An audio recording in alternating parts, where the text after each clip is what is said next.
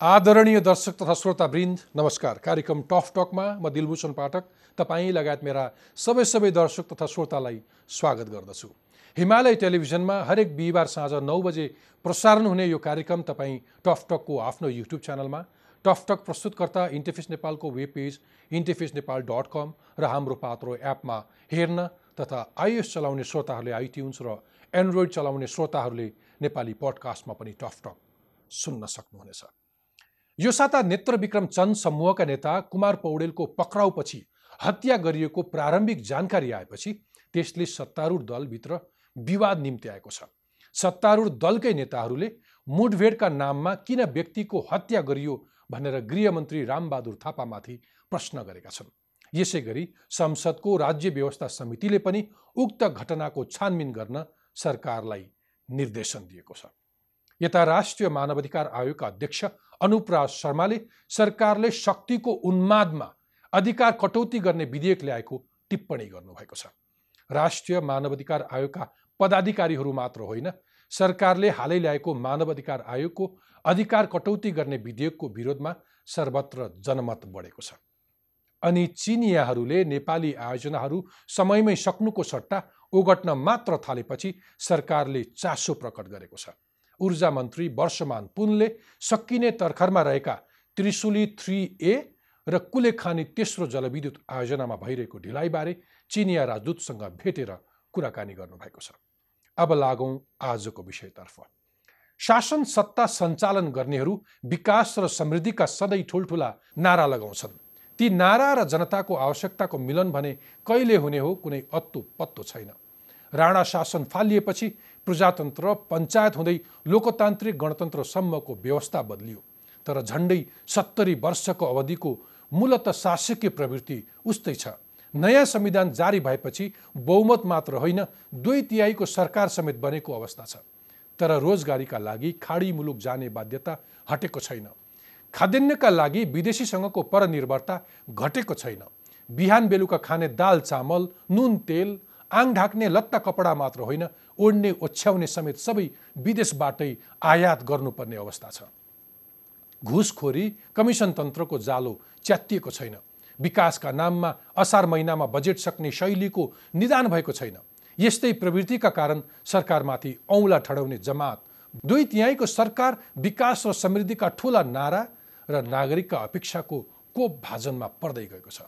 खासमा नागरिकको अपेक्षा र सरकारको कार्यशैली बिचको तालमेल कहाँ मिलेको छैन? किन हाम्रो शासकीय शैली बदलिएको छैन? अन्यभन्दा तुलनात्मक रूपमा अपेक्षा गरिएका नेता केपी ओलीको लोकप्रियताको ग्राफ घटेको पो हो कि? उहाँमाथि घेराबन्दी किन बढ्न थालेको हो? नेपालको विकास प्रयास र शासकहरूको दृष्टिकोणमा कतै खोट पो छ कि? विदेशीहरू नेपालको विकासमा साझेदार बन्न सक्छन् कि उनीहरू नेपाललाई आफ्नो स्वार्थको चलफेल गर्ने मात्र ठाउँ बनाउन चाहन्छन्? यस्तै जिज्ञासाहरूको जवाब खोज्न आज मसँग आउनुहुन्छ विश्लेषक तथा लेखक सौरभ। स्वदेशदेखि विदेशसम्मका ऐतिहासिक घटनाक्रम र तिनको प्रवृत्तिमाथि बृहत ज्ञान राख्ने उहाँ हालै नेपालका धेरै जिल्लाहरूको भ्रमण गरेर राजधानी फर्काउनु भएको छ। आउनुहोस् स्वागत गरौँ। काठमाडौँ बाहिरका मानिसको ताजा मनोविज्ञान अध्ययन गरेर आउनुभएका आजका मेरा अतिथि लेखक विश्लेषक सौरभलाई। सौरभजी टकटकमा स्वागत छ। धन्यवाद। आराम हुनुहुन्छ? ठिकठाक। केमा व्यस्त हुनुहुन्छ आजकल? घुम्ने ओर्ने पढ्ने यस्तै जिल्ला भ्रमणमा हुनुहुन्थ्यो धेरै जिल्ला? गएको दस बाह्र दिन जति म पूर्वी पाहाड गएको थिएँ ताप्लेजुङदेखि तल मेची अञ्चलको पुरै अनि सुनसरीदेखि माथि कोशी अञ्चलको पुरै। रिसेन्टली तपाईँ सातै प्रदेशको राजधानी पनि पुग्नुभयो। हो त्योभन्दा अलि अगाडि गएको थिएँ सातै प्रदेशका। मलाई भनिदिनुहोस् हामी काठमाडौँ बस्ने यो खाल्डोमा बसिरहेकाहरू अथवा प्रदेश नपुगेकाहरूलाई काठमाडौँभित्र र बाहिरको अवस्था कस्तो छ? आम मानिसको जीवनशैली अपेक्षा आकाङ्क्षा? काठमाडौँभन्दा बाहिरको मानिसहरूको अपेक्षा त पक्कै पनि हाई हुन्छ होइन? तर अब अपेक्षा गरे अनुसारको सरसुविधा सबै विकास अथवा सुविधामा आफ्नो पहुँच त्यस्तो भएको चाहिँ त्यस्तो देखिँदैन।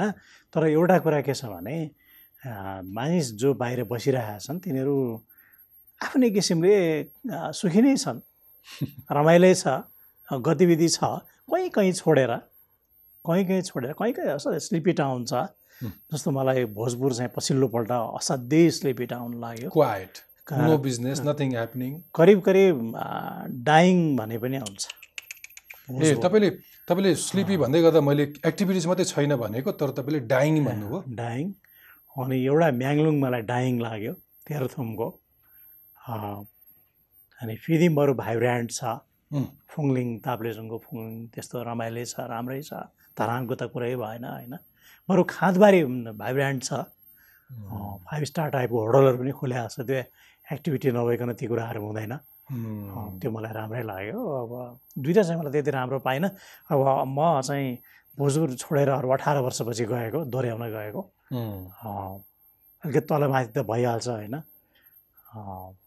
तर भोजपुर चाहिँ निकै नै ओके अब भाइब्रेन्ट त त्यसमा बिजनेस अपर्च्युनिटिजहरू आयो होला रिसोर्सेसहरू परिचालन भयो होला अथवा. रेमिटेन्सहरू आयो होला। डाइङ चाहिँ के? किन कारण? त्यसको ल्यान्डस्केप मैले यसो हेरेको त भोजपुर र पाल्पा जस्तो एउटा पाल्पाको पनि नाम लिउँ। को टोपोग्राफी नै ठिक छैन क्या? त्यो जुन टाउन जुन जुन किसिमले बसेको छ नि त्यसलाई अल्टर गर्नुपर्छ रिम्यापिङ गर्नुपर्छ रिलोकेट गर्नुपर्छ घरहरू त्यसका पार्कहरू त्यसका स्कुलहरू सबै कुराहरू। सबै कुरा बदल्नै पर्छ। तर पछिल्लो पटक पुगेको बिजुली बत्ती सडक अनि थोर बहुत रेमिटेन्स। अलिकति प्रविधि यसले केही फरक अँ, पारे त्यति कुराले मात्रै फरक पार्दैन। पार्दैन कि होइन? त्यहाँ अब टेम्पो छ बस छ सबै चलिरहेकै छ जिपहरू गइरहेकै छ।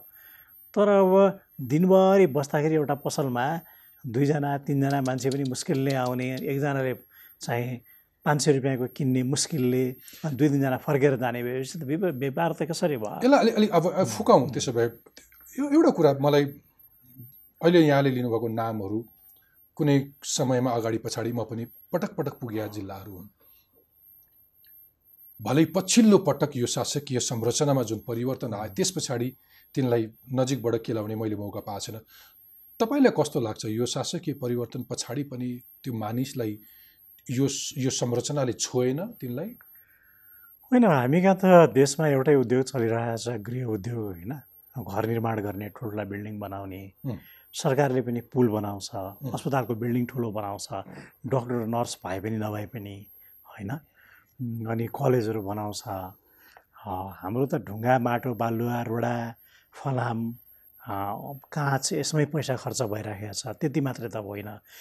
करेन्सीले चाहिँ हिट गेन गर्नको लागि त त्यो इन्भेस्टमेन्ट डाइभर्सिफाइड हुनुपर्छ होइन। अनेक कुरामा हुनुपर्छ अब बाहिरको मानिस त्यहाँ पुग्नलाई पनि त टुरिस्टको एट्र्याक्सन पोइन्टहरू टुरिस्टलाई तान्ने पोइन्टहरू धेरै भेराइटिजको हुनु पऱ्यो त्यो पनि छैन होइन? हाम्रो एउटा राम्रो गुफा छ एउटा हेर्न लायक गुफा भनेर किन पस्ने? के को लागि पस्ने? गुफाभित्र पनि त केही लाइट साउन्डको सिस्टम केही भएको केही चिजहरू हुनु पऱ्यो नि। अथवा झर्न सक्ने राम्रो भित्र झरनाहरू झरिरहे होला कतै पानी चुहिरहे हुन त हाम्रो धेरै जसो गुफाहरू चुनको पानी बगेर बन्ने गुफाहरू हो त्यसमा हुनु पऱ्यो त्यो पनि छैन के पनि छैन। भन्दाखेरि त त्यो चाहिँ अनि रेमिट्यान्सको पैसा आएको छ भन्दा त के खानेकुरामा अलिअलि खर्च छ? अनि बाहिरबाट इम्पोर्ट गरिएको चिज अलिअलि किन्नमा खर्च छ। बाँकी त के कुरामा छ त? साइन्स साइन्सको हिसाबले हेर्दाखेरि टेक्निकल नआउमा खर्च भएको छैन। होइन आफ्नो सुविधाहरू थप्नुमा खर्च भएको छैन। केमा छ? होइन तर हामीले एउटा एउटा एउटा सपना देख्यौँ नि जस्तो तिन तहको शासकीय संरचनाले पनि त कुनै परिवर्तन ल्याउँछ भन्ने सोच्यौँ नि हामीले होइन? त्यो आइसक्दाखेरि पनि त्यसले कुनै छाँट देखाएन अथवा के त्यसो भए उही नागरिकमाथि शासकहरूको बोझ मात्रै थपेछौँ हामीले यो नयाँ संरचनाबाट? त्यो पक्कै हो नि डिसिजनहरू थपिएर आउँछ माथिदेखि होइन? माथिदेखि नै डिसिजनहरू थपेर आउँछ एक्कासी। त्यसमा भन्दाखेरि चाहिँ अँ, ट्रिकल डाउनको परम्परा होइन यानि माथिबाट निर्णय थोपरिने परम्परा होइन बटम अपको तलबाट जाने चाहेर जाने भन्ने हो। तर माथिको करप्सन यति भयावह रूपमा छ कि त्यो पैसा कहिलेसम्म तल पुग्छ होइन? कहिले पुग्छ कहाँ पुग्छ? र कसरी बन्छ? अनि अब भनौँ न अब जस्तो कि मैले एउटा उदाहरण दिएको कि हाम्रो चाहिँ जस्तो फिदिममा। एउटा मानिलिउँ। फिदिममा चाहिँ कतिवटा बेड छ? पाँच सय बेड एक हजार बेड होइन? सेतो तन्ना हालेको है। हुँ। सेतो खोल भएको जथाभावी जे पाए त्यही होइन? मोटर टाइपको अनि खाना बस्न सुविधा सबै भएको। अनि त्यसमा चाहिँ छ हामी चाहिँ पाँच लाख यसपालि मान्छे भित्रै आउँछौँ। भन्ने त लोकल बडी जुन छ शासन गर्ने बडीको कुनै प्लान त छैन। कहाँबाट फिदिममा आउँछन् र कुन ठाउँमा जाने हो? अरूसँग पनि इन्टिग्रेट गर्नु पर्यो प्रोग्रामहरूको। त्यो पनि छैन। भिजनै छैन नि। माइग्रेसनको ट्रेन्ड चाहिँ कस्तो पाइयो? सहरबाट गाउँबाट फेरि सहर खोज्ने क्रम उस्तै छ कि अहिले गाउँहरू पनि सहर हुँदैछन् भन्ने कुरा आयो नि? पछिल्लो गाउँबाट पहाडी सहर पुगेँ तर त्यहाँबाट चाहिँ तल लाग्ने। त्यसपछि नफर्किने प्रवृत्ति छ संरचना- मैदानी सहरहरूमा चाहिँ सङ्ख्या एकदम बढिया छ। जस्तो अब धनगढी त्यस्तो होला भनेर कल्पनै गर्न सकिँदैन थियो होइन? महेन्द्रनगर होइन? अथवा कञ्चनपुर। तर पाहाडमा त अहिले के छ र? पाहाडमा तपाईँको एउटा पोखरा छ पहाडी सहरमा होइन? अब अहिले यसो अलि यसपालि खाँदबारीदेखि नत्र भने पाहाडको त डडेलधुरा पनि राम्रै छ। डडेलधुरा पनि डडेलधुरा त एनजिओले गर्दाखेरि छ एकदमै होइन? डडेलधुराको चाहिँ पनि अझ सुर्खेत ठुलो भएर आएको छ। होइन? छ। सुर्खेत पनि छ। सुर्खेत त एक किसिमले भित्री मधेस हो मैदानी नै हो होइन? ठुलो भएको छ स्वाभाविक हो। बरु बैतडी भएको छ है किनभने त्यो उतापट्टि काला पहाड जाने भनेर यताका मान्छेहरू बैतडीको बाटोबाट उता जाने आउने गरेर होला बरु बैतडी। राम्रो उम्, नत्र त अरू त के खास छ र छैन। छैन माथिबाट तल जाने नै छ। वैदेशिक रोजगारीमा जाने तिनले ल्याएको रेमिटेन्सले त्यसको अलिकति समुचित प्रयोग त्यसले गाउँठाउँ बनेको गरेको त्यस्तो केही केस पाउनुहुन्छ? सामाजिक विकृति उनीहरूको आफ्नो घर बनाएको छ। घर बनाएको छ। तर घर चाहिँ घर संरचनामा बनेको छ तर घर परिवार त फेरि छिन्न भिन्न भयो होला। घर परिवार। छिन्न भिन्न छ अनि त्यस ठाउँमा तपाईँको चार पाँच तले घर भव्य घर छ। घरमा बस्ने मान्छे कोही छैन। सबै तलाहरू खाली छन् तलका सटरहरू बन्द छन्। त्यो त घर बनाउनु र नबनाउनु के अर्थ भएर? त्यसमा त लगानी भयो त्यो पैसा अरू प्रयोग गर्न सकिन्थ्यो। अनि घरको मान्छे जो घर कुर्न बसिरहेको छ ऊ त एउटा दुइटा कोठामा सीमित छ होइन? अनि नाति नातिना पढाउने नाममा बुहारी सदरमुकाम झरेकी छिन् छोरो प्रदेश छ। अँ, अँ, बुढाबुढी माथि मात्रै छन् त्यो। घरमा। हो। यो सबैको परिवारको पारा त्यही। होइन? अनि पहिला चाहिँ भनौँ न अब दोस्रो पुस्तामा तेस्रो पुस्तामा चाहिँ दोस्रो पुस्तामा सोह्र बि सोह्र सत्रजना नाति नातिना भए अनि तेस्रो पुस्तामा गएर तपाईँको बिस बाइसजना नाति नातिना भए अथवा तिसैजना भए भने पनि यति संसारभरि छरिया छन् कि अब त्यो पुस्ताको एकैपल्ट कहीँ पनि भेट हुँदैन। सम्भवै छैन। त्योभन्दा बाहेक सदरमुकाममा बस्दा चिया खाँदा त्यहाँका अलिकति विद्वान भन्ने टाटाबाटा मान्छेहरू भेट्दाखेरि चाहिँ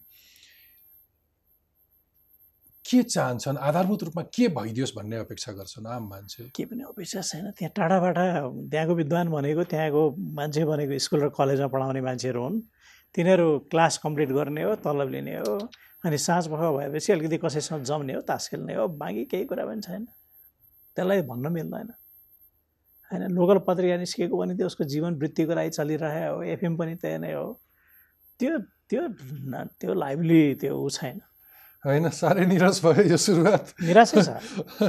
होइन केही सकारात्मक पक्षहरू पनि खोजौँ न। अरू सकारात्मक पक्षहरू चाहिँ के के छन् जस्तो जाँदै गर्दा अलिकति हरियाली जस्तो अलिकति सागपात खाने चलन। मलाई यो पनि केही सामान्य कुरा लाग्छ तर एउटा कुनै मान्छेको भान्सामा पहिले सागपात बोट बिरुवा वनस्पति सम्बन्धी त्यति ज्ञान थिएन।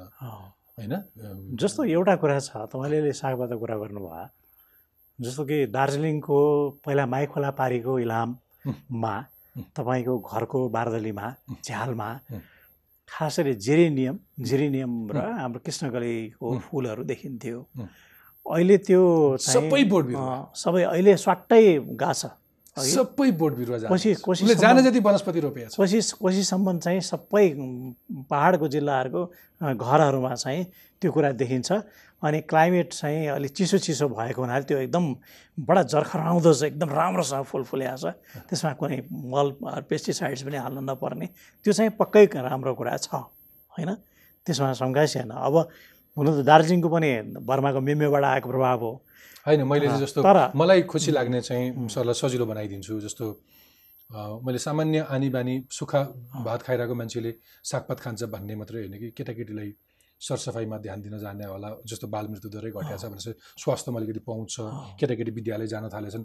पहाडको मुहारहरू अलिकति केही फेरिएको पनि होला नि गाउँ बस्तीहरूमा सकारात्मक परिवर्तनहरू चाहिँ। म त्यही भन्दै थिएँ कि। एउटा त्यो छ।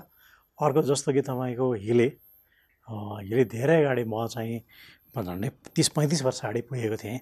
हिलेमा एउटा बस्ने ठाउँ बडा मुस्किलले थियो. होइन। त्यसपछि तल झरे लेगुवा भएर अथवा जयरामघाट कता कता भएर म. धेरैवटा भोजपुर पनि गएँ। त्यो बेलामा गाडी दौडिँदैन अहिले अब यो जस्तो भनौँ न जस्तो लसुन हिमाल लसुनको स्मारक छ बसन्तपुरमा लाली गुराँसको स्मारक छ होइन। सत्र अठार वर्ष अगाडि मिल्के तिनजुरे भएर क्रस गर्दा चौध हजार फिट डाँडा क्रस गरेर जाँदाखेरि त्यो होला भन्ने लागेको थिएन। तलतिर हिलेमा तोङबाको छ हिलेमा होइन। अनि त्यसपछि आएर चाहिँ एकजना लिम्बुनी लिम्बू फिगरको महिलाको एउटा तस्विर बनिरहेको छ। विशेष पर्टिकुलर नाउनको होइन स प्रनाउनको एउटा बनिरहेको छ।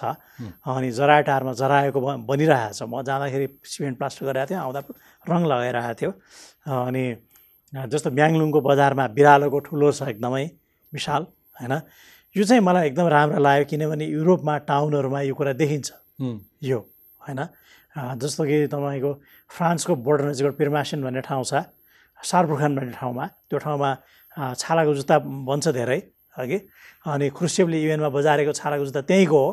त्यहाँ चाहिँ एउटा मान्छेले जुत्ता बोकेर एकदम आकाशमा उठाइराखेको छ। त्यो मैले ठ्याक्कै त्यही कुरा यहाँ सम्झेँ मैले होइन? त्यसले त्यो चाहिँ लोकल प्रडक्सनलाई कतै काउलीको छ कतै बन्दाकोपीको छ एक ठाउँमा अभोकाडोको छ एक ठाउँमा सुन्तलाको छ होइन?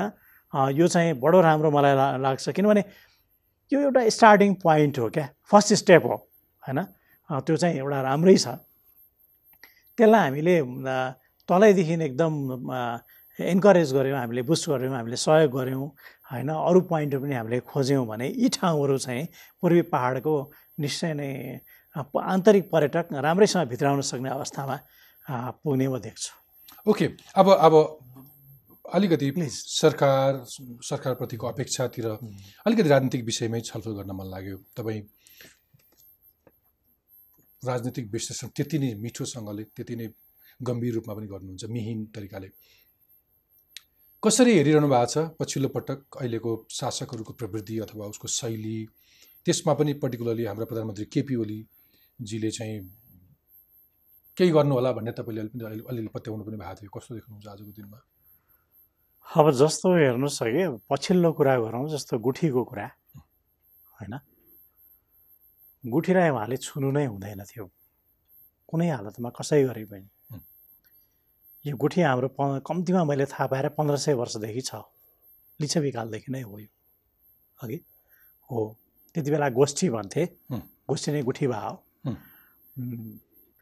अनि यसको कारणले नै नेपालको अहिले नेपाल भन्दा नि विशेष गरी भ्यालीको हुँ। हाम्रो चाहिँ जे सम्पदाहरू छ ठुल्ठुला मन्दिरहरू जात्रा मात्रा सारा भोज भतेर होइन हाम्रा पूजाआजा विधि व्यवहार सबै अड्यास अहिले हाम्रो प्रतिनिधि संस्कृतिलाई। यसले टेवा दिइरहेको छ भने त्यसलाई अझै बलियो बनाउनु पर्थ्यो होइन उहाँले चाहिँ गर्नुभयो अब मैले बुझेसम्म यो स्वर्गद्वारीको जग्गा। स्वर्गद्वारीको जग्गा र जनकपुरको जग्गा माओवादी कार्यकर्ताहरूलाई चाहिएको हुनाले उहाँले तिनीहरूलाई वितरण गर्न गराउनको लागि माओवादीको निम्ति उहाँले यसमा छुनु भयो। छुनु हुँदैन थियो यो कुरा। तर त्यति मात्रै होइन नि फेरि तपाईँले अघि भन्दै गर्दा। त्यो कालदेखि कालखण्डदेखि आजसम्म जोड्दै गर्दा। त्यहाँ व्यतिथि पनि थियो। कुनै बेला हजारौँ बिघा जमिन जसले जहाँ जोतपोत गरे पनि त्यसको प्रडक्सन पनि कम थियो होला। आजको दिनमा एउटा सानो स्पेस रेन्टल गर्दा पनि भनेको त्यसको भ्यालु त बढेको छ नि। तर त्यसको निगरानी छैन। त्यो त्यो गुठीहरूमा कति हेऱ्यो भने त्यो त्यो परम्परागत संरचनालाई अलिकति आधुनिकीकरण गर्यो त्यसलाई अलिकति निगरानीमा राख्यो भने त्यसको प्रडक्ट प्रडक्टिभिटी अरू बढ्थ्यो होला। त्यसले अरू प्रपर डेलिभर गर्न सक्थ्यो होला सोसाइटीमा। त्यसलाई मोडर्नाइज गर्नलाई त्यसलाई निगरानीमा राख्नलाई त्यसलाई मोनिटर गर्नलाई त कुन कुन अप्ठ्यारो थियो र त्यो सबै पुरै अरिङ्गालै उहाँकै शब्दमा भन्दा अरिङ्गालै धुइरे जस्तो धुइरे नै पर्ने स्थिति थियो। त्यसको प्रपर समीक्षा छलफल बहस भयो होला र त्यहाँभित्रका कुराहरूमा म अर्को साइडमा बसेर छलफल गर्छु प्रायः। होइन त्यहाँ गुठीको हाकिम चाहिँ असाध्य राम्रो मान्छे एकजना गुठीको हाकिम भएर आउनुभयो बद्री विक्रम थापा। होइन? एउटा राम्रै मोड आयो। त्यसपछि आउनुभयो विष्णुप्रसाद खनाल। एउटा अर्कै मोड आयो। मैले मोड आयो भनेर हाँसेँ अब डिटेलमा नजाउँ। आयो। अनि मल्लकालको राजगुठीलाई ध्वस्त पार्ने काम सुरु भए छ हजार गुठीभन्दा बढी चाहिँ नराख्ने जस्तै स्थिति आयो र सबैभन्दा नराम्रो कुरा कहाँनिर भयो भने हिजो जग्गा गुठीमा राख्दाखेरि यति यति दाम होइन दाम पैसाको हिसाब हुन्थ्यो किनकि जग्गाको खास भ्यालु थिएन। धान चामलको पनि खास भ्यालु थिएन त्यसै गरी राखियो। तर अहिले आएर पनि त्यो धान चामल बापत चाहिँ यति पैसा दिए पुग्ने जुन गरियो नि धानै बुझाउनु पर्ने जब गरिएन नि। त्यहाँनिर गएर अनि गुठी ध्वस्तै भएको थियो होइन। त्यसलाई उठाउनु पर्थ्यो। म यहाँनिर एउटा सानो कुरा जोड्छु। कि अहिले यो सामन्तवादी व्यवस्था भनेर सञ्चार मन्त्रीले भन्नुभयो अघि? अब अहिलेको सरकारमा सबैभन्दा बोल्नलाई छुट भएको लाउड माउथ उहाँ हुनुहुन्छ। Actually loud mouth his spokesperson पाउनुहुन्छ अनि प्रवक्ता सरकार अनि अब अनि जबै त्यही हो होइन सर? होइन। भन्नुभयो। तर मलाई धेरै वर्ष अगाडि कसैले उहाँ कङ्ग्रेसकै मान्छे हो दामोदर पौडेल झम्सिखेल झम्सिखेलको निवासी महालेखा परीक्षकको कार्यालयको कर्मचारी उहाँले नेपालको कम्युनिजम आउनुभन्दा अगाडिको नेपालको कम्युनिस्ट व्यवस्था गुठी बनेको त्यति राम्रो व्यवस्था सबैको सामूहिक सबैजनाको चाहिँ सहभागिता हुने व्यवस्था भनेर किताबै लेखेको मलाई सम्झना छ। है कङ्ग्रेसको मान्छेले कम्युनिस्ट व्यवस्था भन्दा भन्दै कम्युनिस्ट मान्छेले सामन्ती व्यवस्था भन्दा one of the most funny irony हुँ। भएको मलाई लाग्छ। ओके। त्यसो भए यसलाई अलिकति समग्रतामा बुझौँ न सरले एउटा गुठी विधेयकको कुरा गर्दै गर्दाखेरि समग्रतामा डेढ वर्ष त बितायो यो सरकारले तपाईँका अघिल्ला आर्टिकलहरू अभिव्यक्ति हेऱ्यो भने तपाईँले त्यो ब्रेक थ्रु चाहिँ यो सरकार आउँदै गर्दाखेरिको इनिसियल ब्रेक थ्रु चाहिँ बडो इन्सपायरिङ बडो अमेजिङ साँच्चै गजबको थियो भनेर यहाँले टिप्पणी गर्नुभएको छ। केही निर्णयहरू त्यस्ता थिए पनि। त आजको दिनमा आउँदा चाहिँ समग्रतामा कसरी मूल्याङ्कन गर्नुहुन्छ? कुन डिरेक्सनमा छ आजको सरकार? अब अहिलेको सरकार यस्तो छ लामो सास फेर्नुभयो। अब होइन। अहिलेको सरकारको एउटा ठुलो पार्टनर भनेको माओवादी हो। माओवादीको दुइटा मात्रै उद्देश्य छ। हुँ। होइन? सत्र हजार मान्छे जुन मरे कति अङ्गभङ्ग भए त्यो बेलामा किसिमको युद्धको नियम मिचेर अपराधहरू भए ती सबैबाट कुनै पनि उपायले उन्मुक्ति लिने। त्यो मेलमिलाप आयोगबाट होस् चाहे त्यो मानवाधिकार आयोगबाट होस् चाहे सरकारको विशेष कुनै निर्णयबाट होस् मुक्ति लिने एउटा। र दोस्रो कुरा आफूले प्रोक्सी लगानी जे जति गरिएको छ त्यो सबैलाई वाइट कसरी बनाउने पैसा कसरी बचाउने त्यो दुईवटा बाहेक माओवादीको कुनै पनि उद्देश्य छैन। होइन? त्यति नै हो। त्यति मात्रै हो। त्योभन्दा बाँकी सबै त्यति मात्रै हो होइन? र नेपालको चाहिँ प्याराडाइम सिफ्टको नाउँमा जुन किसिमको परिवर्तन संविधानहरूमा भए त्यसलाई कुनै हालतमा पनि स्थापित गराउन भनेर जुन अगाडि आएको छ। उहुँ, पश्चिमाहरूले जुन उसलाई अगाडि सारिदिएका छन् त्यस बापत उसले पाउने रिवार्ड भनेको त्यही हो त्यही रिवार्ड मात्रै लिने हो उसले। एमालेको प्रब्लम के भने जसरी भए पनि उसँग मिलेर बहुमतको सरकार देखाएर सत्तालाई लम्ब्याइरहने हो। होइन? सत्तालाई लम्ब्याइरहने हो। अनि कङ्ग्रेसको भनेको चाहिँ के हो भने पुरै शासन गरोस् उसले। बिचमा हटाउने होइन कङ्ग्रेसको पनि। हो? हो। हटाउने। हतार लागेको छैन? हतार लागेको छैन। किनभने यो त हुनसम्म गनाओस् हुनसम्म बदनाम होस् ताकि केही नगरिकन आउने चुनावमा आफूलाई भोट आउँछ। किन हतार गर्नु छ अहिले? के का लागि इस्यु पनि छैन। ठुलो। तपाईँले काङ्ग्रेसका सबै नेताहरूलाई चिनेरै यही कुरा भन्दै। चिनेरै हो। किनभने कङ्ग्रेसले कङ्ग्रेसको तुलनामा कङ्ग्रेसले जुन डेमोक्रेसी भन्छ त्यसको तुलनामा त लथालिङ्गे डेमोक्रेसी त छ नि कम्युनिस्टहरूको लेफ्टको। भन्दा ऊ के दिन सक्छ र उसले के डेलिभरी दिन सक्छ? त्यो डेलिभरी त यसले दिइरहेको छ नि बरु तपाईँको। होइन? दिन सकिने त केही पनि छैन। एजेन्डा पनि केही छैन। ऊभन्दा बढी क्रान्तिकारी हुन सकिने ठाउँ पनि छैन।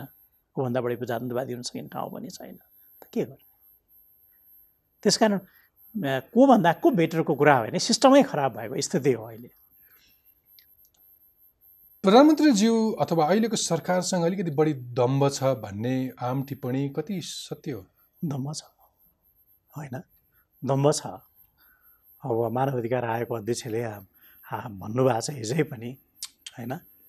दम्ब हो भनेर. त्यो सही कुरा हो सही कुरा हो सही कुरा हो एक अरू अरू कुनै आयोगका आयुक्तले भन्दा मानव अधिकार आयोगका आयुक्तले चाहिँ भन्ने भन्दाखेरि त्यसलाई स्वाभाविक रूपमा लिन्छौँ। किनभने उहाँ चाहिँ अब पहिला प्रधान न्यायाधीश भएको व्यक्ति पनि हो नि होइन भन्दा नेपालको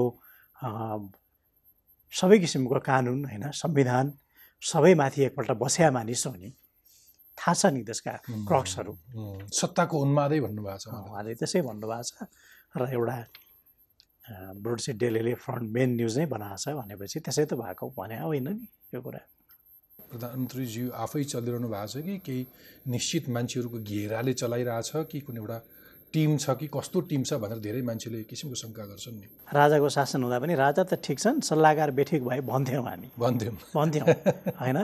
अनि गिरिजा आउनुभयो मनमोहन आउनुभयो धेरै प्रधानमन्त्रीहरू आए। हामीले पटक पटक त्यही भन्यौँ मान्छे ठिक छ सल्लाहकार ठिक छैनन्। हो। अब कति दिन हामी सल्लाहकार ठिक छैनन् भनेर प्रधानमन्त्रीलाई उन्मुक्ति दिने? सल्लाहकार राख्नु भने उहाँले किन राख्नुभयो त? उहाँले फेर्नु पर्यो होइन? त्यसैले यो चाहिँ यो शङ्काको लाभ नदिउँ जस्तो मलाई लाग्छ। प्रधानमन्त्रीज्यूले जति पनि भाषणहरू गर्नुहुन्छ त्यो भाषण स्पिच र एक्सनको तारतम्यता कति देख्नुहुन्छ? अब त्यो त स्पिच त कसैले लेखिदिया हुन्छ हेर्नुहोस् उहाँले लेख्ने होइन होइन? अब सायद उहाँ खल्तीबाट झिकेर पढ्दा पढ्नुभन्दा अगाडि पनि एकपल्ट पढ्नु चाहिँ पढ्नुहुन्न विश्वासै गर्ने होला होइन? पढ्नुहुन्न म भन्दिनँ। हेरे पनि सरसर्ती हेर्नुहुन्छ होइन? फर्स्ट प्यारा सेकेन्ड प्यारा बिचको अलिक लास्टको अलिकति हेर्नुहुन्छ। भने फुर्सद कहाँ हुन्छ त्यति हेर्नलाई? त्यसैले अब त्यो लेखेको कुरासँग मिल्नु व्यवहार मिल्नुपर्छ भन्ने नै भएन नि. कसरी? निरङ्कुशतातर्फ जाँदैछ यो सरकार भन्ने टिप्पणी चाहिँ? होइन निरङ्कुशताको कुरा चाहिँ कस्तो भने लेफ्टको नेचर नै निरङ्कुश नै हो। अघि. त्यो त्यसलाई चाहिँ अब त्यसलाई जन्मजात गुण भन्ने कि त्यसलाई इन्हेरेन्ट प्रब्लम भन्ने कि होइन त्यो हो नै त्यो म गर्दिनँ भन्दा पनि त्यो कुरा आउँछ त्यो आउँछ नै तर त्यसको कुनै डिग्री चाहिँ हुन्छ डिग्री डेफिनेटली हुन्छ जस्तो कि तपाईँलाई अब डिग्री हेर्नुहोस् न आउने. दिनमा डिग्री हेर्नु होला मैले. अहिले तपाईँलाई भनेको छु. कि यो गुठीको विधेयक जुन फिर्ता भयो उहुँ. अपर हाउसबाट पनि फिर्ता भयो. यो खारेज नै चाहिँ हुँदैन। खारेज नै चाहिँ हुँदैन। कुनै न कुनै रूपमा कुनै कुनै न कुनै रूपमा अरू कुनै कुरा ल्याएर आफ्नो अभिष्ट पुरा गर्छन्। आफ्नो अभिष्ट जे पुरा गर्ने हो त्यो पुरा गर्छ तपाईँको आर्टिकल्सहरू पढ्दाखेरि सेन्स गर्दाखेरि तपाईँले जहिले पनि एउटा जोड दिइरहेको एउटा पक्ष चाहिँ at the end of the day it's तपाईँको हराइजन हो। तपाईँ कसरी सोच्नुहुन्छ? त्यसले त्यसले असर पार्छ तात्विक असर पार्ने तत्त्व चाहिँ त्यो हो भनेर भन्नुहुन्छ नि। अहिलेको सरकारको स्वभाव अथवा पार्टीहरूको स्वभाव हेर्नुभयो नेतृत्वमा बस्ने मान्छेहरूको स्वभाव हेर्नुभयो भने त्यस्तो लाग्छ अथवा उनीहरू आपसी रूपमा कति छलफल गर्छन् क्याबिनेटमा कति छलफल हुन्छ एउटा सत्तारूढ दलको पार्लिमेन्टेरियनले पार्लिमेन्टमा कति चर्कोसँग बोल्न पाउँछ के देख्नुहुन्छ? बडो कठोर विश्लेषण गर्नुहुन्छ। मलाई सुन्न मन लाग्छ। आजको दिनमा तपाईँ देश घुमेर आइरहँदाखेरि त्यो ग्राउन्डमा टेक्दाखेरि कसरी बुझ्नुहुन्छ? होइन अब यो यस्तो हो कि सबै मान्छेको इन्टेन्सन एकदम खराबै हुन्छ। गलतै मान्छे मात्रै हुन्छ सबैतिर भन्ने त होइन हेर्नुहोस् अँ, केही मान्छेमा राम्रा पार्टीमा केही मान्छेहरू न राम्रा नभएदेखि त्यो पार्टी पनि दिगो रहँदैन हुँ। होइन? प्रशासन पनि चल्दैन राजनीति पनि चल्दैन हुन्छन्।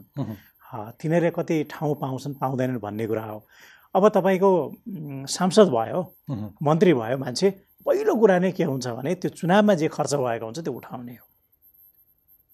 पहिला। किनभने हाम्रो। हाम्रो हाम्रो चुनाव असाध्यै खर्चिलो छ नि होइन? निर्वाचन आयोगले जे जस्ता कुराहरू क्राइटेरिया तोक्दै पनि खर्चिलो नै छ। अझ निर्वाचनमा जानुभन्दा अगाडि हामीले खर्चिलो कहाँ बनाउँदैछौँ भने म मोलमलाई गरेर टिकट लिन्छु नि पार्टीसँग। हो। होइन? होइन? मोलमोलाई पैसा खर्च गर्ने। मान्छेलाई मात्रै टिकट दिन्छ नि। अथवा जसले जित्छ त्यसैलाई दिन्छ नि पार्टीले। हो। आफ्नो पार्टीभित्रको इमान्दार। मान्छेलाई त दिँदैन। हो। होइन? मलाई एउटा पश्चिम नेपालको सामान्य एउटा टिकट लिएको मान्छे धनी मान्छे नै हो। होइन? बाह्र करोड रुपियाँसम्म बुझाएको मलाई थाहा छ। अघि पत्रकारिता क्षेत्रको एकजना साथीले उम्मेदवारी दिए पछि उनले हारे। उनले भने दस लाख रुपियाँको दिलभूषण भाइ मैले भात मात्रै खुवाएछु। सामान्य भात खाने एउटा होटलको बिल भनेर भन्नु हो। होइन? अनि बाह्र करोड रुपियाँ दिएको हो र धनाटे स्वासी मान्छेलाई नै दिएको हो बाह्र करोड। अघि हार्नुभयो कि भोटले भएको हो होइन?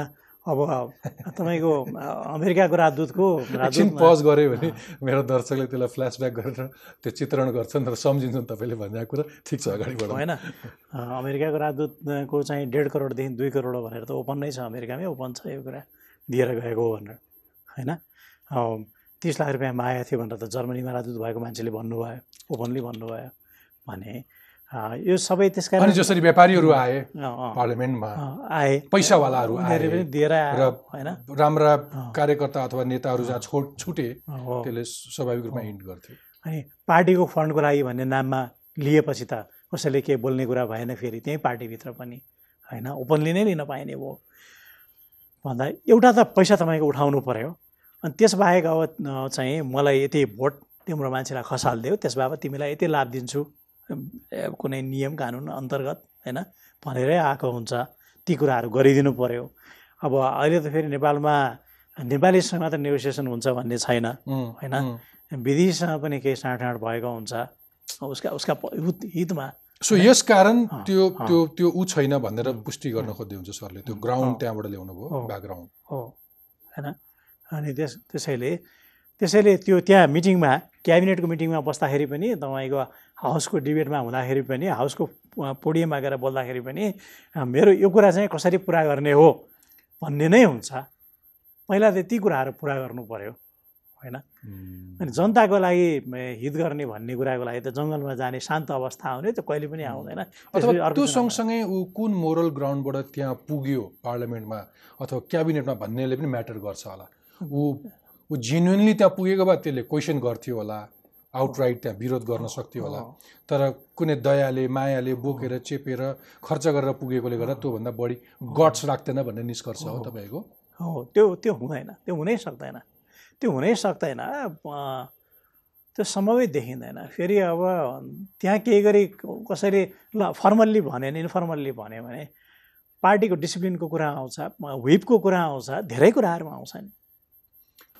पछिल्लो पटक चाहिँ प्रधानमन्त्रीज्यू घेराबन्दीमा पर्दै हुनुहुन्छ पर्न थाल्नुभयो परिसक्नुभयो भन्ने अनेकन टिप्पणीहरू छन्। उहाँको नेचरले चाहिँ उहाँ घेराबन्दीमा पर्ने मान्छे होइन। होइन? पहिलादेखि नै। उहाँ कसैलाई मान्छे गन्ने त्यसले भनेको कुरा त्यसले बिन्ती भाउ गऱ्यो भने काम बनाइदिने तर त्यसले कुनै धम्की दिएर काम बनाइदिने मान्छे उहाँ होइन। अहिलेदेखि होइन उति बेलादेखि। त्यसै उहाँ अल्पमतमा नै हुनुभएको। हो मलाई त्यस्तो चाहिँ लाग्दैन। बाहिरबाट हेर्दाखेरि त्यस्तो देखिन्छ। होइन त्यो चाहिँ कुन कारणले? पछिल्लो पटक आफ्नै सहमतिको बोझ अथवा विपक्षीहरूको थ्रेट के के कारणले घेराबन्दीमा पर्नुभयो? विपक्षीको थ्रेड त केही छँदै छैन बोझ भए सहमतिको बोझ हो। सहमतिकै बोझ। सहमतिको बोझ भन्ने पनि के छ र? किनभने माओवादीको हालत अत्यन्तै खराब भएको हुनाले एमालेमा टाँसिनु पर्यो हो। होइन? तर तर आलो पालो गर्ने पाँच वर्षको उसमा चाहिँ आधा आधा शासन गर्ने भनेर भनिसकेपछि त त्यो त चर्लकै छोड्नु पो पर्छ त? अब एक वर्षमा त। त्यही हो भने त। होइन त्यो छोड्ने पनि तपाईँ अर्को बाटोबाट हेर्नुहोस् न। नेपालमा प्रधानमन्त्री हुन नेपालकै मात्रै भित्रै सहमतिले मात्रै हुन्छ र।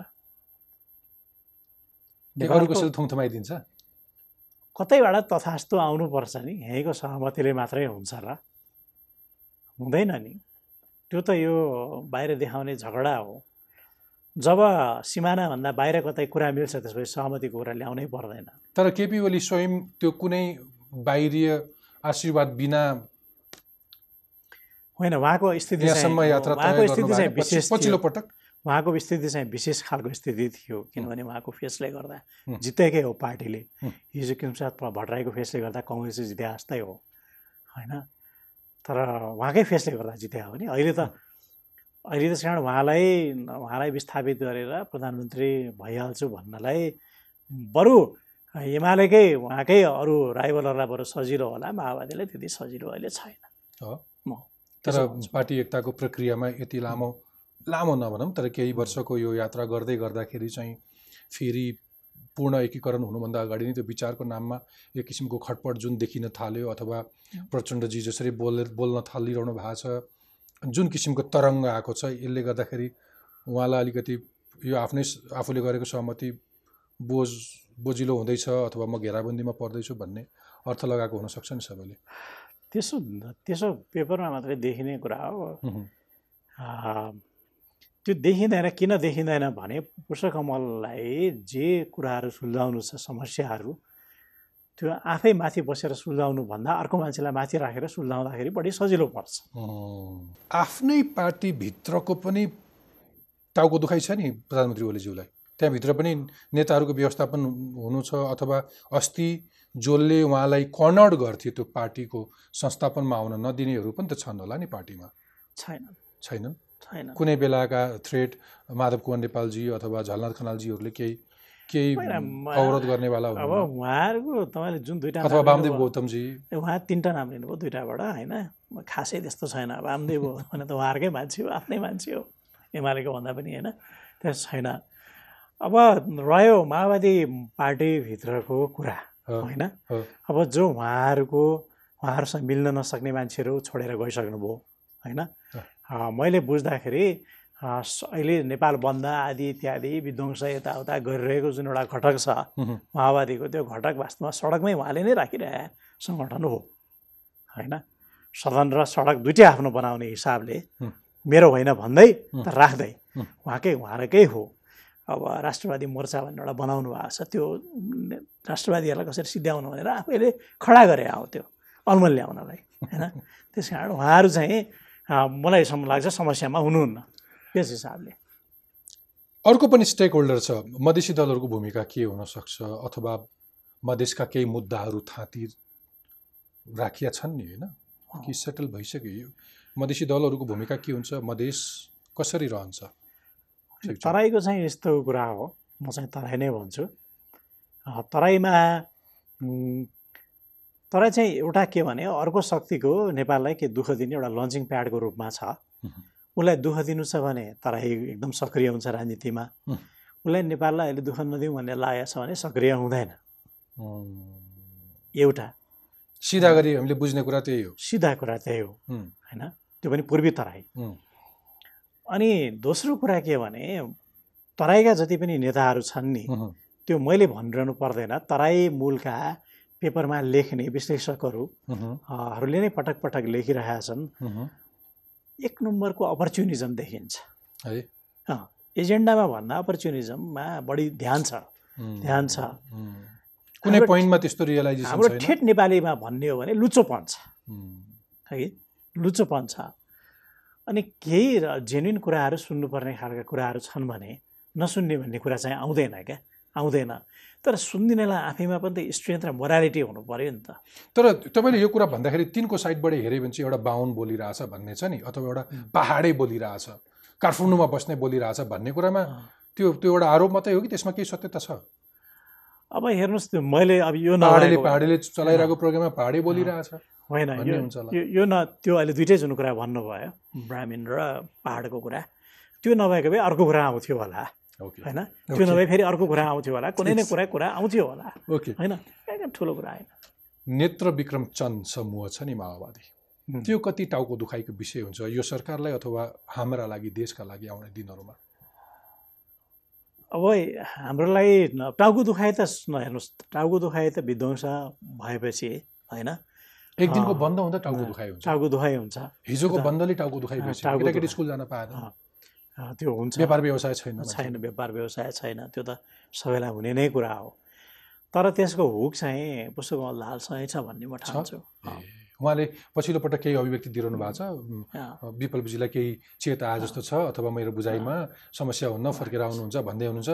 भनेको यो त्यति लामो युद्ध होइन अथवा त्यति लामो युद्ध पनि होइन। लामो युद्ध उहाँ- एउटा कुरा त लामो न कति लामो लाने कति नलाने भन्ने उहाँको हातमा छ मैले भनिहालेँ। दोस्रो कुरा के भने तपाईँले अगाडि एउटा फ्याट एउटा कुरा भन्नुभयो त्यसपछि छोड्नु भयो विचारको कुरा क्या। एकीकरण हुँदाखेरिको विचारको कुरा जुन गर्नुभएको थियो नि यो विचारलाई मैले नेत्र विक्रम र पुष्पकमलको विचारको पनि कुरा गर्न यहाँ जोड्न खोजेँ। वास्तवमा विचारको पनि कुनै प्रब्लम छैन। छैन है। विचारै छैन के प्रब्लम छ? कुनै विचार छ? कुनै विचारै छैन। अरू कोहीसँग विचार नभएपछि अब विचार मसँग छ भन्दै हुनुहुन्छ नि विप्लवजीले। तर त्यो विचार पनि प्रचण्डजीकै विचार हो भनेर तपाईँले जोड्नुभयो। होइन माओको रेडबुकको हिसाबले जाने हो भने त कम्युनिस्टहरू परालमाथि सुत्छन् पैसा असुल गर्न मिल्छ। विचार भयो त्यहाँ। विचार त हुँदै भएन। विचार त कहिले तपाईँले बुझेको कम्युनिस्टहरू परालमा सुत्छ मैले त फाइभ स्टार होटलमा स्पामा बसेको देखेको छु। कुरै नहो सबभन्दा महँगो गाडीमा कति फाइभ स्टार होटल र कति स्पा त उनीहरूकै होला। होइन? उनीहरूकै होला। होइन? महँगो गाडी के कुरा भयो र अब दिल्लीको एयरपोर्टमा अथवा ब्याङ्कक एयरपोर्टमा कुनै व्यापारले सबैभन्दा महँगो ड्रिङ्क उठायो भने तपाईँ पछि लागेर आउनु भने त्यो ड्रिङ्क ठ्याक्कै नेताको घरमा छिर्छ। अँ, फेरि छ होइन? अब सिक्युरिटी थ्रेड भनेर बुलेट प्रुफ गाडी गाडी जति झिकाए पनि भयो छुट छँदैछ। मैले समय सकेँ तर भूमिकामा पनि प्रसङ्ग उठाएको थिएँ। तपाईँ विदेशी सम्बन्धको पनि बारेमा बडो इन्ट्रेस्टिङ तरिकाले विश्लेषण गर्नुहुन्छ। त्यसकारण दौडिँदै सोधिहाल्छु अरू एक मिनट जति। अहिलेको सरकारको अन्तर्राष्ट्रिय सम्बन्धलाई कसरी हेरिरहनु भएको छ कसरी बुझिरहनु भएको छ? अहिलेको सरकारको के होल सिस्टमकै भनौँ सरकार त आउँछ जान्छ एउटा सिस्टम रहिरहन्छ होइन? को विदेश सम्बन्ध त राम्रो छैन।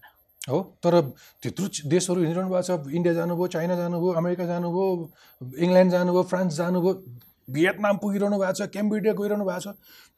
आजसम्म कुनै पनि प्राइम मिनिस्टर यति धेरै दौडिरहनु भएको थिएन।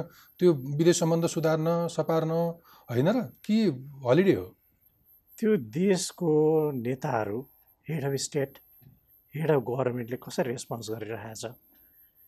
कसरी स्वागत गरिरहेछ भन्ने पनि त हेर्नु पऱ्यो ओके। होइन? फर इक्जाम्पल पछिल्लो भिजिट इङ्ल्यान्डको करिब करिब इग्नोर गरिरहेको छ करिब करिब इग्नोर गरिरहेको छ डिप्लोमेसीमा तिम्रो देशमा आउँछु एउटा निम्ता पठाइदियो भने चाहिँ पठाइदिने चलन छ त्यो कुनै ठुलो कुरा त हुँदै भएन होइन? रातो पासपोर्ट हातमा हुनु ठुलो कुरै भएन होइन? खर्च गरेर जानु ठुलो कुरै भयो ठुलै कुरै भएन। तर कुनै देशले हाम्रो कुरा त्यति बेला सुन्छ जब हामी साँच्चै नै आफ्ना कुरामा गम्भीर छौँ सक्षम छौँ हामी सके पनि नसके पनि चिन्तनशील छौँ त्यसलाई ठुलो महत्त्व दिन्छ नि होइन? यदुनाथ खनालले एसियन फरेन एफेयर्समा लेखेको मलाई एउटा लाइन खुब राम्रोसँग सम्झना छ। अमेरिकाका ठुला ठुला ऐना हालिएका झ्यालमा आफ्नो छाया हेऱ्यो हिँड्यो तर कसले खनिदिन्छ र भनेर लेख्नु भएको छ होइन मिठो त भोलि सबैले बोलिदिन्छ नि। हाम्रो राम्रो छैन। राम्रो छैन। पछिल्लो पटक चाइनासँग अलिकति सम्बन्ध सुधारिएको अलिकति आश गरेको जस्तो लागिरहेको थियो। त्यहाँ पनि केही हुनेवाला छैन? होइन चाइनालाई बिआरआईसँग मात्रै मतलब छ। बाँकी केही कुरासँग मतलब छैन। बेल्ट एन्ड रोड इनिसिएटिभ बाहेक अरू खास कुनै कुरासँग केही मतलब छैन। अरू देशहरूले हामीलाई सहायता आर्थिक सहायता के दिएको के प्रोजेक्टहरू गरिदिएको अनुपातमा धेर थोर हामीलाई केही गरिदिने भन्ने उसको पहिलादेखि नै छ त्यो जापानले पनि गर्छ अरूले पनि गर्छन्। बाँकी बाहेक बाहेक कुरामा हाम्रो केही छैन बरु चिनको चाहिँ नेपाललाई बाजीमा राखेर भारतसँगै सम्बन्ध बनाउने हो। है? केही मतलब छैन र उसले त्यो गरिरहेको पनि टिबेटलाई हेरेर गरिरहेको हो। समय सिद्धियो तर मेरो अक्सर यो सो पोजिटिभ नोटमा एन्ड गर्न खोज्छु। हुन त अघि हामीले पहिलो अंशमा पनि केही पोजिटिभ साइडहरू खोज्न खोज्यौँ। यति हुँदा हुँदै पनि यो परिवर्तन यो संरचना नयाँ संविधान लागू भएर आजसम्मको यात्रामा आइपुग्दै गर्दाखेरि सौरभले देखेको सकारात्मक कुराहरू चाहिँ के केहरू हुन् नेपाल नेपाल चाहिँ नन अलाइन्डबाट अलाइन्ड हुँदै जाँदैछ त्यो भनेको मेरो। दर्शकले बुझ्ने गरी नेपालले हाम्रा दुइटै छिमेकी हाम्रालाई उपयोगी भएनन् भन्ने बुझ्दैछ नेपालले। नेपालको सबै सेटअप त्यसरी जाँदैछ। त्यसले नेपाललाई एउटा किनारा लगाइदिएला भन्ने आशा गरौँ। त्यति नै हो। म पनि यति नै भनेर त्यसले के के हुन्छ? अस्तिका कस्ता कस्ता उल्झनबाट निस्किन सजिलो हुन्छ? अलिकति बुझ्ने गरी। धेरै उल्झनबाट निक निक्लन सकिएला। धेरै उल्झनबाट निक्लन सकिएला। मैले अलि रहस्यात्मक भाषामा भने जस्तो हुन्छ। मलाई नखोत दिनुहोस् अघि। रक्षा र परराष्ट्र आफैसँग राखिन सकिएला कि नसक्ला त्यो दिनमा तर बलियो चाहिँ एक किसिमले अर्कै किसिमले भइएला भन्ने लाग्छ। यो अहिले सरकारको पाराहरूबाटै? यसबाट होइन। एज ए होल अब अब नेपाललाई परिरहेको प्रभाव नेपालमा भइरहेको चलखेल। यो नेपालमा भइरहेको चलखेलमा सरकार र व्यवस्थाको कुनै रोल र के कुनै सिय नै छैन क्या। कुनै सिय नै छैन। थोरै त व्याख्या गरिदिनुहोस्। मलाई यतिमै टुङ्ग्याउनु मन लाग्यो। के गर्नु दिल होइन तर अर्को यसलाई कन्टिन्यू त हामी गर्छौँ नि फुटाउन लाउँछौँ। तर यति के क्वेसन आइसकेपछि तपाईँले किन यहाँ छोड्नुभयो भनेर मलाई मेरा दर्शकले फेरि दागा धर्छन् नि। होइन तिनको पनि राइट हुन्छ। फरेन रिलेसनको डाइमेन्सन अलग हुँदैछ। अलग हुँदैछ। कसरी?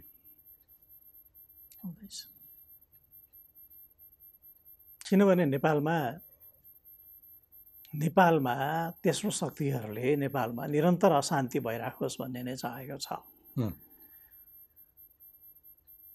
नेपालको नियम कानुन संविधानको संशोधन हुने नहुने सबै कुरामा लाई लिएर घुसपैठ गरेर आफ्ना कुराहरू राखेर अशान्ति नै भइरहोस् भन्ने सोचेको छ लागेको पनि छ अनि धेरै चुलीमा पुगेपछि शान्तिको मोडल पनि उसैको हुन्छ र हामीलाई आड नलागिकन त्यति बेला सुख हुँदैन। त्यही नै कुरा हो। भनेको चलखेल यतिसम्म बढेको छ कि त्यसले बढेको छैन बढ्छ। बढ्छ बढाइन्छ। बढ्छ त्यसैले हामीले अहिले चिन्ता गर्ने भनेको तफसिलका कुराहरूमा चिन्ता गरेर एउटा मनको न्यानो फिल गर्ने चाहिँ हो। तर म कुनै अर्थ चाहिँ गम्भीर रूपमा चाहिँ अर्थ चाहिँ त्यति देख्दिनँ। तपाईँले याद गर्नुभयो होला नि म पेपरमा लेखिरहेको छैन राजनीतिको बारेमा। हुँ। लेखिरहेको छैन। म लेख्छु कल्चर सल्चर यताउता। म नि केही अलिकति केही गरिरहेको छु है भन्नको लागि मात्रै गरे अब त्यो। तर म राजनीतिमा लेखिरहेको छैन। त्यति भए भए आकलन गरिरहनु भएको छ भने त्यसमा अरू छलफल बहस किन नगर्ने? नेपालले सुल्झाउनै सक्दैन। नेपालको नेपालले सुल्झाउन सक्दैन भनेको तपाईँले तपाईँको तहको तपाईँले मेरो तहको अथवा आम नागरिकको तहको यहाँको नागरिक समाजको तहको यत्र ठुल्ठुला पार्टीहरू यत्र ऐतिहासिक पार्टीहरू यो नेतृत्व कसैले पनि विश्वास नगरेको अवस्था? विश्वास छैन शक्ति नै छैन। सामर्थ्य छैन? सामर्थ्य छैन। अथवा त्यो परिस्थिति त्यसरी बिल्ड भइसक्यो? बिल्ड भइसक्यो। यस अफकोर्स त्यो होल त जियो ऊ नै यस्तो स्ट्रङली आयो कि अब बियर गर्न सकिएन। एउटा पिटर होपकिर्कले एउटा ग्रेट गेम भन्ने लेखेको छ। सेन्ट्रल एसियाको मिडिभल पिरियडको कुरालाई लिएर। हामी ठ्याक्कै त्यो ग्रेट गेममै छौँ। लेख्नेमा चाहिँ पिटर होपकिर्क होइन अहिले चाहिँ को होला थाहा छैन। तर हामी ग्रेट गेमको एउटा गोटीमा गोटीको रूपमा छौँ। सोभरिन्टीमा प्रब्लम नआउला। एज ए होल सोभरिन्टीमा प्रब्लमै नआइहाल्ला किनभने हामी युएनको मेम्बर हौँ। हाम्रो इन्टरनेसनल क्लाउड पनि भुटानको जस्तो होइन बलियै छ। तर हामीले मुस्किल बेहोर्नु पर्ने चाहिँ धेरै नै मुस्किल बेहोर्नु पर्ने स्थिति चाहिँ छ।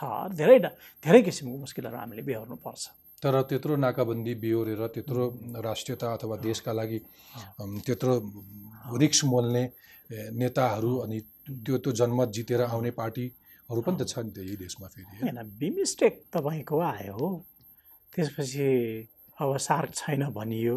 सार्क छ। बिमिस्टेक अर्को एउटा अप्सन हो। सार्क नभए होइन भनियो। अहिले परराष्ट्र मन्त्रीले के भन्नुभयो? सार्कको औचित्य सकिएको कुरा गर्नु भएन। होइन? बिआरआईको। बिमिस्टेक भन्दा माथि बिआरआई छ बिआरआई भन्दा माथि इन्डो पेसिफिक छ मैले अलिकति क्लिउ खोलेँ। अघि सजिलो छैन। जुन कुरा हामी ह्यान्डल गर्न सक्दैनौँ तिम्रो हात काट्न अरू कसैको हात काट्न सकिँदैन भने चुम भन्ने। हामी चुम्नुपर्ने अवस्थामा छौँ कसैको हात। आजको लागि तपाईँको महत्त्वपूर्ण समय र विचारको लागि धेरै धेरै धन्यवाद।